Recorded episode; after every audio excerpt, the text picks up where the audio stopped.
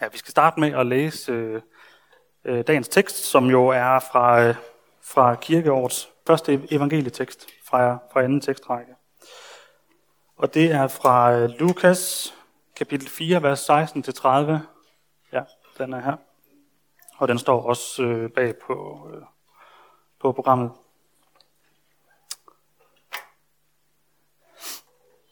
Jesus kom også til Nazareth, hvor han var vokset op. På sabbaten gik han efter sædvane ind i synagogen, og han rejste sig for at læse op. Man rakte ham profeten Esajas bog, og han åbnede den og fandt det sted, hvor der står skrevet. Herrens ånd er over mig, fordi han har salvet mig. Han har sendt mig for at bringe godt budskab til fattige, for at udråbe frigivelse for fanger og syn til blinde, for at sætte undertrykte i frihed, for at udråbe et nådeår fra Herren. Så lukkede han bogen, gav den til tjeneren og satte sig, og alle i synagogen rettede spændt øjnene mod ham. Da begyndte han at tale til dem og sagde, I dag er det skriftord, som lød i jeres ører, gået i opfyldelse. Alle gav de ham deres bifald, og undrede sig over de nådefulde ord, som udgik af hans mund. Og de spurgte, er det ikke Josefs søn? Han svarede dem, I vil sikkert bruge denne talemåde om mig. Læge, læg dig selv, og sige, vi har hørt om alt det, der er sket i Kapernaum. Gør det samme her i din hjemby. Men han sagde, sandelig siger jeg, ingen profet er anerkendt i sin hjemby. Og jeg siger jer, som sandt er, der var mange enker i Israel på Elias' tid. Dengang himlen var lukket i tre år og seks måneder, så der blev stor hungersnød i hele landet. Og Elias blev ikke sendt til nogen af dem, men til en enke i Sarepta i Sidons land. Og der var mange spedalske i Israel på profeten Elias, e-, Elisas tid, og ingen af dem blev renset, men det blev syren Naaman. Alle i synagogen blev ude af sig selv af raseri, da de hørte det. De sprang op, jog ham ud af byen og drev ham hen til kanten af det bjerg, deres by var bygget på, for at styrte ham ned. Men han banede sig vej imellem dem og gik. Det er jo ikke lige frem, fordi at den her tekst den sådan oser af julestemning øh, på sådan en, en første søndag i advent. Men der er faktisk en god grund til, at den er valgt øh, til kirkeårets første gudstjeneste. Vi startede gudstjenesten i dag med at synge Vær velkommen Herrens år. Og det er fordi, at nu er det Herrens år. Et nådeår, som Jesus han kalder det.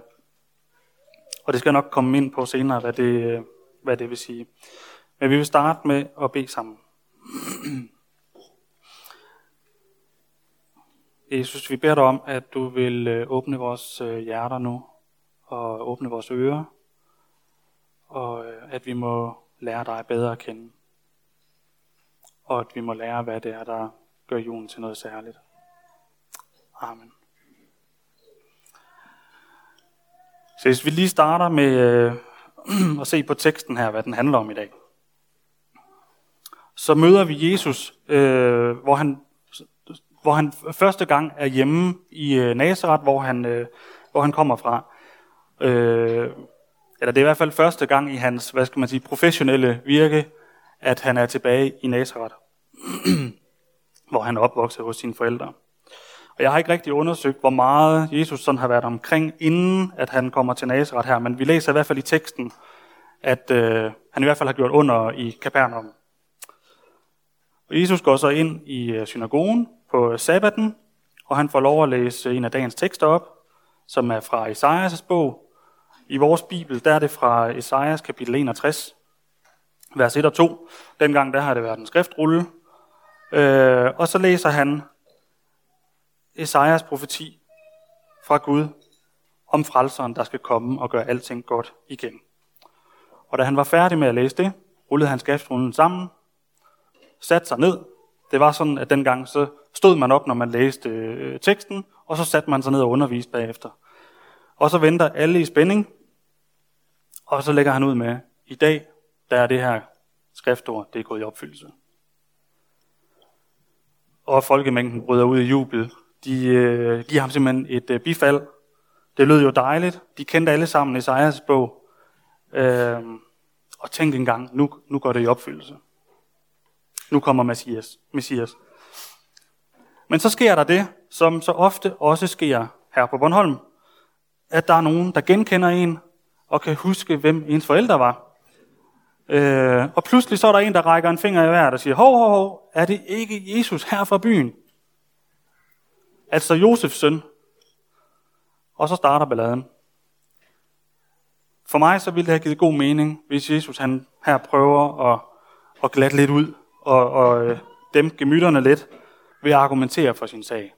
Han kunne godt have forklaret, jamen jo, jo, det er, øh, det er mig, Jesus, nede fra tømmerbutikken nede på hjørnet, øh, men det er altså også mig, der er Messias. Og, og jeg er sendt af Gud. Men han prøver overhovedet ikke at glatte ud eller argumentere. Tværtimod. Han optrapper konflikten lige så hurtigt han kan. Øh, og siger nærmere noget i retning af, ja, I har hørt øh, rygterne om mig fra, øh, fra Kabernum, og øh, nu vil I gerne se nogle tricks. Men jeg kan fortælle jer, at det nytter ikke noget, fordi øh, profeterne de er alligevel aldrig anerkendte i deres hjemby. Så øh, men han stopper ikke der, fordi så nævner han to eksempler øh, fra, øh, fra Gamle Testamente, hvor, øh, hvor dem, der måske logisk set burde have fået glæde af, øh, af Guds profeter, at de bliver ligesom gået udenom. Der er, øh, først så er der eksemplet med enken i øh, Saraptas, eller i Sarapta i Sidons land, altså det vil sige øh, en by uden for, øh, uden for Israel, der får besøg af profeten Elias, og får stillet sin sult og dækket sin kost i resten af den tørkeperiode, som var øh, på det tidspunkt. Mens at selve alle dem, der bor i Israel, de, de sulter under tørken.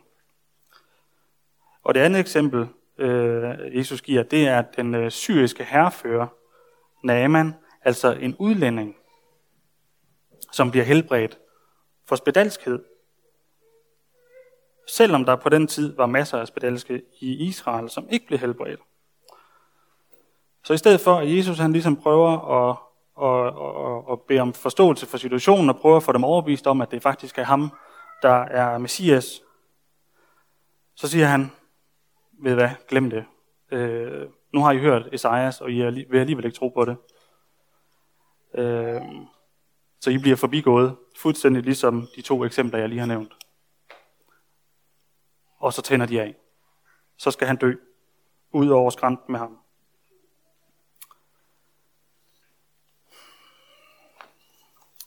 Efter jeg har læst den her tekst nogle gange, og kigget på den her meget specielle historie, som jeg ikke synes er særlig juleagtig, øh, så synes jeg alligevel, den viser mig to sider af Jesus. Øh, som er øh, den første halvdel, hvor, vi, hvor teksten viser os noget om en profeti, der er gået i op, opfyldelse. Om at øh, alt det, der er profeteret om i Gamle Testamente, det er gået i opfyldelse nu. Nu er Guds rige kommet. Nu er der håb for alle. De fattige, de sørgende, de blinde, de undertrykte. Håb om evigt liv for alle mennesker. Den kærlige Jesus, Jesus som er kærlighed, han er kommet nu for at frelse os. Og så er der den anden halvdel af teksten, hvor Jesus mildest talt er ret så kontant over for tilhørende. De udviser lige pludselig en lille smule skepsis, og så går han helt bananas. Og han nærmest udtrykker, selvom evangeliet er for alle, jamen, så er det alligevel ikke, det er alligevel ikke alle, der vil høre det. Øh, det er ikke alle, der vil høre på ham. Nu kommer han med sandheden, men han ved, at mange ikke gider høre den. Og jeg har for nylig lært af vores øh, præst i kirken, Markus, at man må gerne have to pointer i en prædiken, så derfor så har jeg valgt at tage de her to, øh, to sider af Jesus. og jeg vil starte med den sidste halvdel, eller den sidste del. Fordi prøv at tænke, hvis, øh, prøv at tænke, hvis Jesus han var præst her i kirken. Nu ved jeg ikke, hvordan Markus han har haft det, når han har startet her. Men jeg kan huske, øh, selv for, for mit eget vedkommende, de første gange, jeg skulle prædike i kirken, så var jeg, øh, så var jeg meget nervøs for, om der overhovedet kom nogen, der gad at høre mig. Øh, tænk, hvis nogen blev væk, fordi det var mit navn, der stod øh, på programmet. Og især når vi havde, dengang vi havde aftengudstjenester, hvor der i forvejen ikke kom ret mange, der var jeg, der var jeg virkelig nervøs for det. Og når vi læser om Jesus i evangelierne, så er der ikke ret mange, øh, der er ikke nogen eksempler på, at han havde det på samme måde, som jeg har det. Og hvis jeg skal være helt ærlig, så påvirker det mig også, øh, når nogen kommer og roser mig efter en prædiken, eller hvis nogen øh, kritiserer øh, min prædiken bagefter. Og nogle gange så kan jeg endda frygte lidt, om der kan være negative reaktioner på min prædiken, og så skynder jeg mig ud af, af kirken, når gudstjenesten er slut. Øh, og når vi læser om Jesus i evangelierne, så er der heller ikke nogen eksempler på, at han tænker på samme måde, som jeg gør. Kunne man for eksempel forestille sig, at Jesus han sørger for, han står med de her, øh, når vi læser om bespisningsunderet, at han står med 5.000 mennesker, der har vandret langt for at høre på ham. Øh, og så slutter han dagen af med at sige, fedt, I alle sammen kom, tag en ven med næste søndag. Sådan kunne vi måske godt tænke os, at han gjorde. Jeg kunne i hvert fald. Men det gør han bare ikke. Han udvandrer fra forsamlingen, øh, går for sig selv, tager over søen, over på den anden side. Øh, og øh, da folk så følger efter ham, og støver ham op over på den anden side af søen, øh, over ved Capernaum, mener jeg det er, så holder han tale for dem, som, øh, som jeg synes, vi skal se nærmere på. Vi skal nemlig have fat i en lidt forskellige vers fra øh, Johannes 6, Og jeg har, jeg har plukket lidt forskellige vers ud. Og tonen her i, øh, i øh, Johannes Evangelisk kapitel 6 er lidt den samme som i, øh, i synagogen øh, på den her øh, i, i Nazareth. For igen, så er der nogen, der konstaterer, også i Johannes i den her tale, han holder, øh, der er der igen nogen i bedste Bornholmer-stil, der konstaterer, jamen hov, det er da Josef og Marias søn, dem kender vi da. Og så siger Jesus til dem, I skal ikke stå der og skumle. Ingen kan komme til mig, hvis ikke faderen, som har sendt mig, drager ham. Og jeg skal oprejse ham på den yderste dag. Og hvad betyder det? Jo, det betyder, at, at troen er noget, vi får fra Gud. Det er en gave. Jeg synes, det var en rigtig god illustration, som øh, mere om hun havde med i dag med den lille gave. Øh, for det er nemlig det, det handler om i dag, om, om vi pakker gaven op.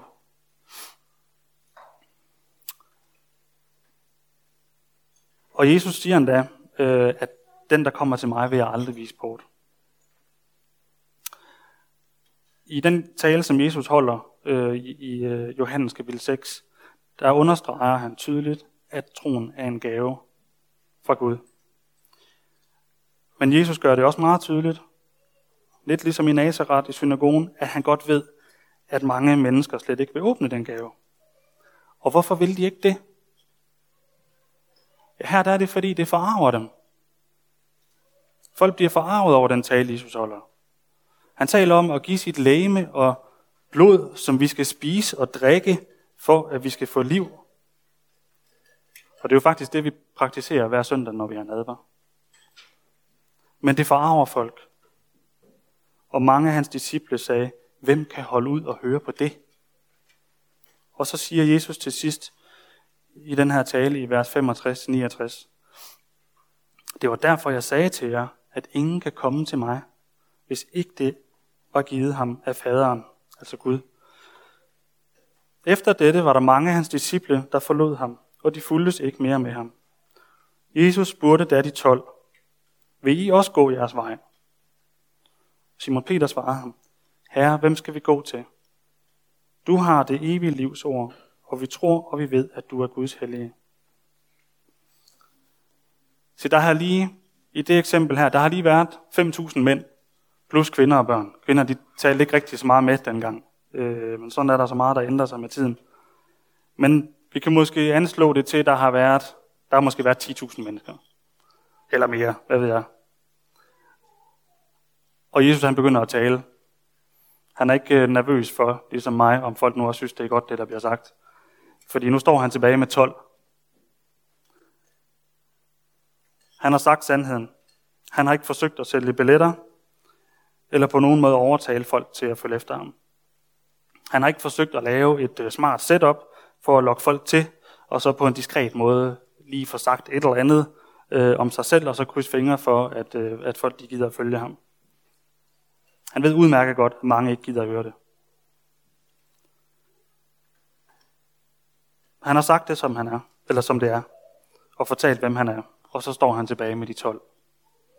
Og så kigger han på dem og siger, hvad, hvad så, drenge, øh, skrider I også, eller, eller hvordan? Hvad skal jeg forvente? Og Simon Peter siger til ham, hvor skal vi gå hen? Du har den ægte vare. Personligt så synes jeg, at der er noget befriende ved det her. Ikke at der er så mange, der ikke gider at høre på Jesus. For Gud han ønsker faktisk, at alle mennesker skal frelses.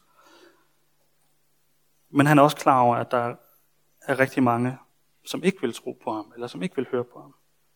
Men det, jeg synes, der er befriende, det er, at jeg behøver ikke bekymre mig om formen rammerne ved at fortælle mennesker om Jesus. Jesus prædikede for tusindvis af mennesker den her dag. Uden lydanlæg, uden øh, tag over hovedet, uden øh, powerpoint. Det er så også blevet moderne igen faktisk, at ikke have powerpoint med. Men jeg er altid lidt bagefter. Øh, uden lovsangsteam, uden øh, børnepasning og teenprogram. Han har ikke engang inviteret en kendis med, som ligesom kan fortælle om, at øh, han eller hun er blevet omvendt.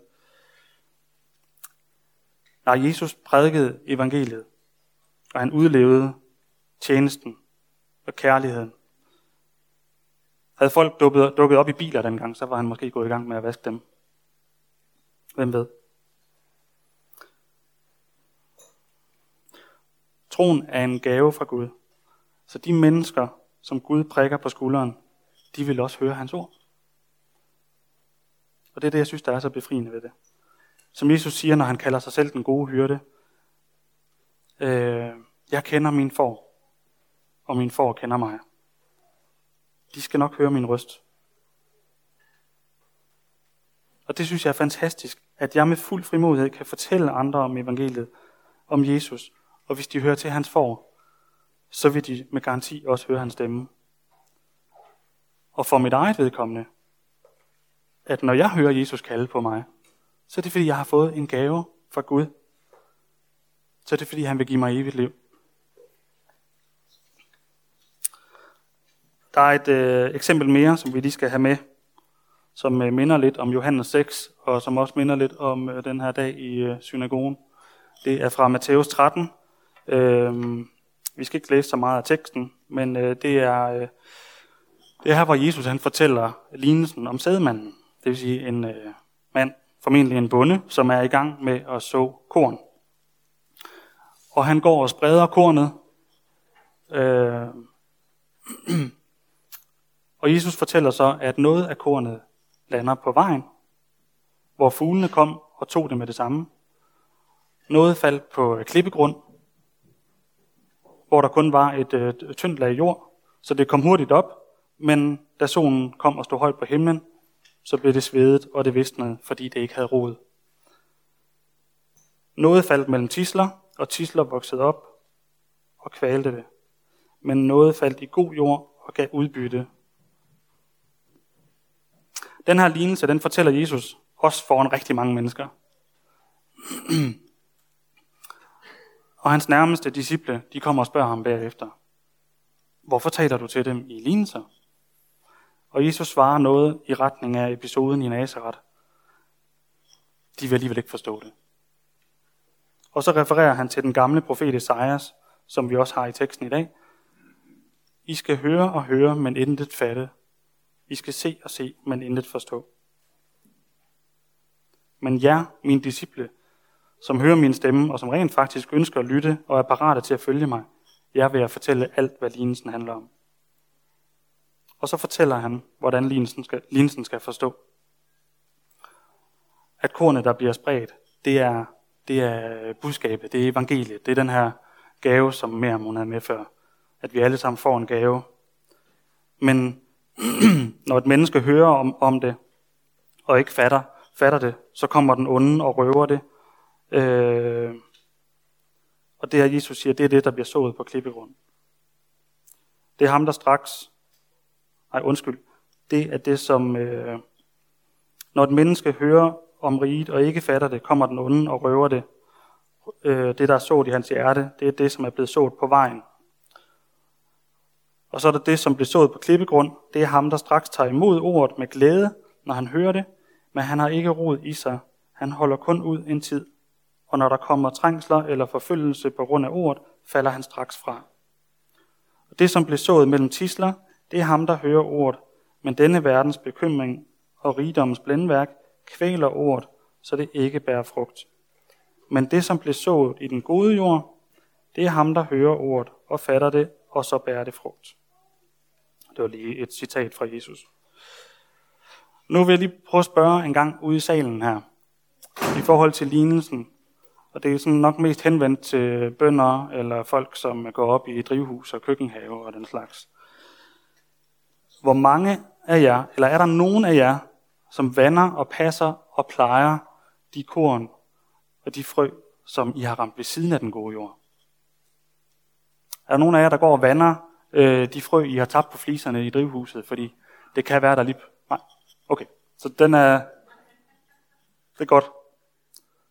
Det kunne være, at man troede, der lige pludselig stod en tomatplante midt på fliserne.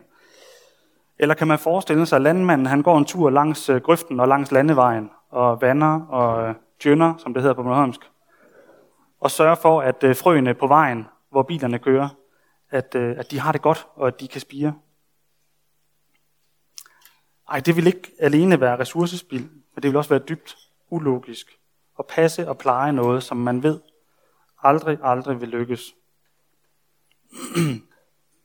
Vi hørte sidste søndag fra Markus, at Jesus har en unik indsigt i vores liv. Han kender os bedre, end vi selv gør. Og det tror jeg faktisk er nøglen til at forstå, hvordan Jesus han kan tale, sådan som han gør. Både i dagens tekst, men også i Johannes kapitel 6, og også her med lignelsen om sædemanden. øhm, fordi han kender os. Der er masser af eksempler på, at Jesus faktisk bliver skeptisk, når han står over for en stor forsamling. Han tænker ikke ligesom mig, yes mand, der er mange, der er kommet i dag, eller fedt, der er så mange, der gider at komme i Bornholmerkirken. Øh, nej, der er faktisk mange eksempler på, at han gør det modsatte. For han ved, at rigtig mange af dem, han står og taler til, de er måske alligevel ikke klar til at følge efter. Han ønsker, at de alle sammen skal følge efter. Men måske har de stadigvæk øh, en karriere, eller nogle penge, eller noget magt, eller en anerkendelse, eller et eller andet, som, som de ikke er klar til at give slip på, for at leve som Jesus, som deres herre, og for at leve med Jesus på førstepladsen i deres liv. Og det ved Jesus, for han har unik indsigt i vores liv. Og derfor så tillader han at sammenligne deres tro med det korn, som lander forskellige steder, hvor det alligevel aldrig kommer til at bære frugt. Men hvis du og jeg, ligesom disciplene, efter lignelsen her kommer hen og spørger Jesus, Jesus, hvad mener du egentlig med det? Vi vil gerne lære dig at kende. Vi vil gerne vide, hvad, du, hvad det er, du siger, eller forstå, hvad det er, du siger. Så vil han også forklare dig det. Og så lover han dig, at han aldrig nogensinde vil vise dig bort. Og det er den gode nyhed i dag. Som teksten også starter med, nemlig profetiens opfyldelse.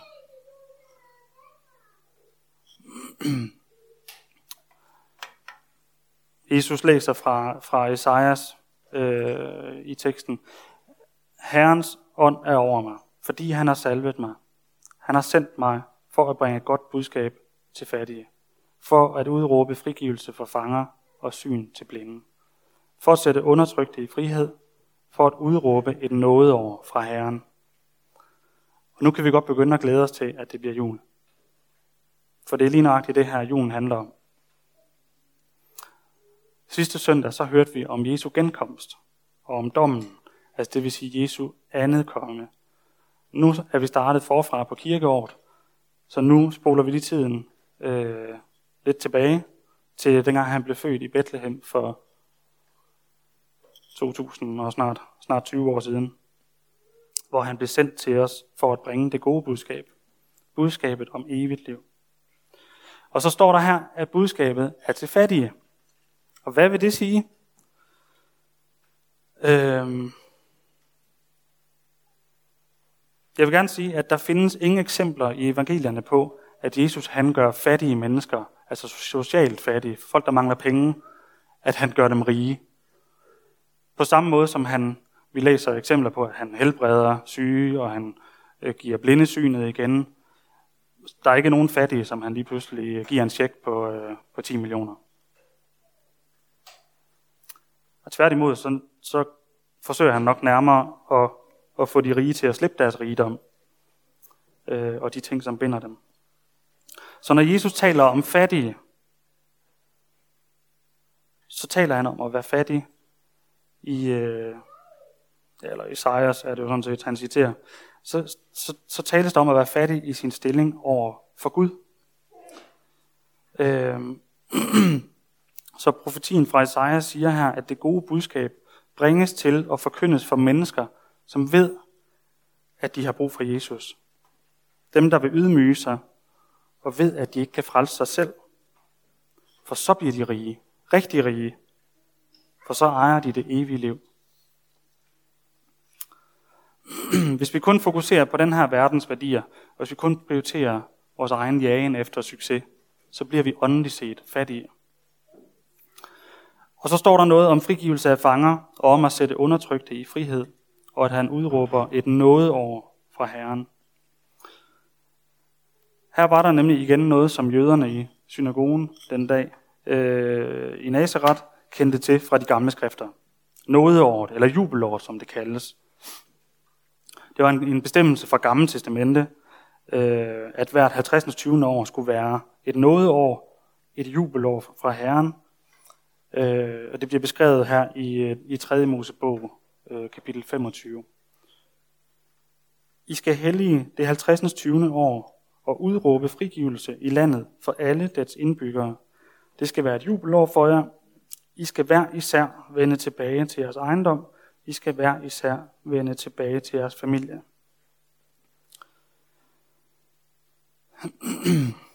Meningen med den her gamle bestemmelse var, at den skulle pege fremad mod den dag, da det bliver virkelig jubelår. Og det er også derfor, vi starter med at synge hver velkommen Herrens år.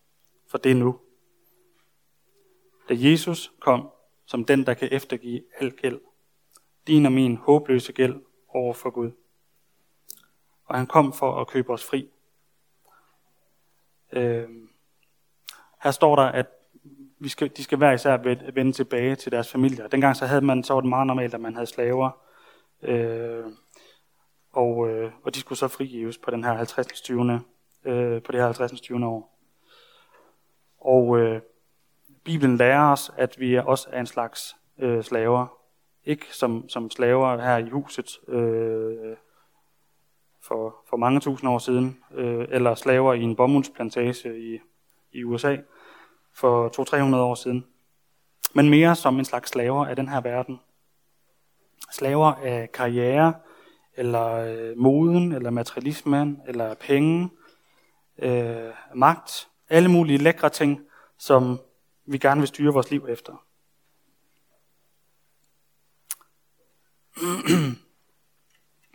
Det kan man være slave af, og det vil Jesus gerne sætte os fri fra.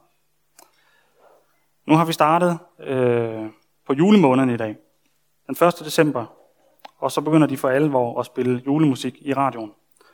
Og der er der en øh, gammel sang øh, med øh, Thomas Helmi og Søs Finger, som jeg faktisk godt kan lide.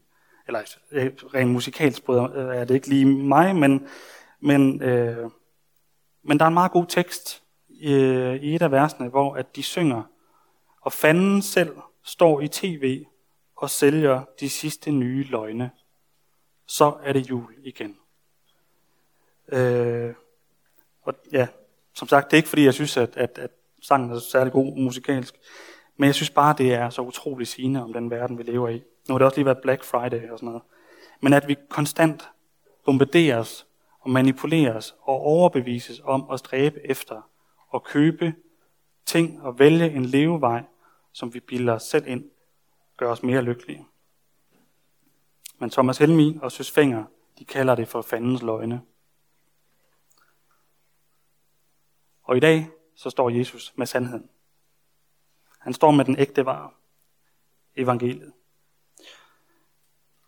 Og evangeliet vil næppe, hvis du pakker den her gave op med evangeliet, så vil det næppe give dig en lovende karriere eller en magtfuld øh, position, øh, eller en stor ny bil og en masse penge. Men det giver os evigt liv. Esajas og mange andre i Gamle Testamente forudsagde det, og nu står Jesus i dag med de gode nyheder i synagogen i Nazareth og forkynder sandhed og frihed. Men det var ikke det, de ville høre. Dem, der var dukket op. Dem, der var kommet til gudstjeneste i Nazareth den dag, de havde forventet at få lidt mere for pengene.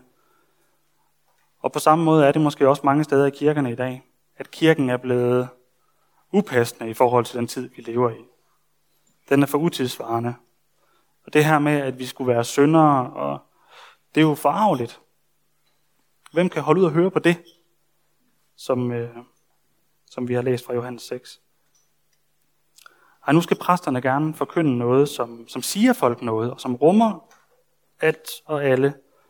Et budskab, som passer ind i tiden til moderne mennesker, der ikke gider at høre på synd og noget og frelse og fortabelse. Ej, det skal gerne være spændende, uden at nogen føler sig krænket selvfølgelig. øh, en prædikant, der hedder Frede Møller, han skriver i sin, øh, har mig hentet lidt inspiration fra til, til den her prædiken i dag. Han skriver i sin prædiken til den her søndag, at på den her måde er der også en strømning i vores samfund, som er på vej hen til kanten for at skubbe Jesus ned. Fordi man ønsker en helt anden slags Jesus. Men vi har bare ikke brug for en tryllekunstner, der kan fascinere os. Vi har brug for en frelser. Og når vi har indset, at vi har brug for Gud, at vi er fattige i vores forhold til Gud, at vi står i håbløs gæld til ham, så står Jesus der som vores frelser, som vores befrier. Og det er det, der gør jul til noget særligt. Amen.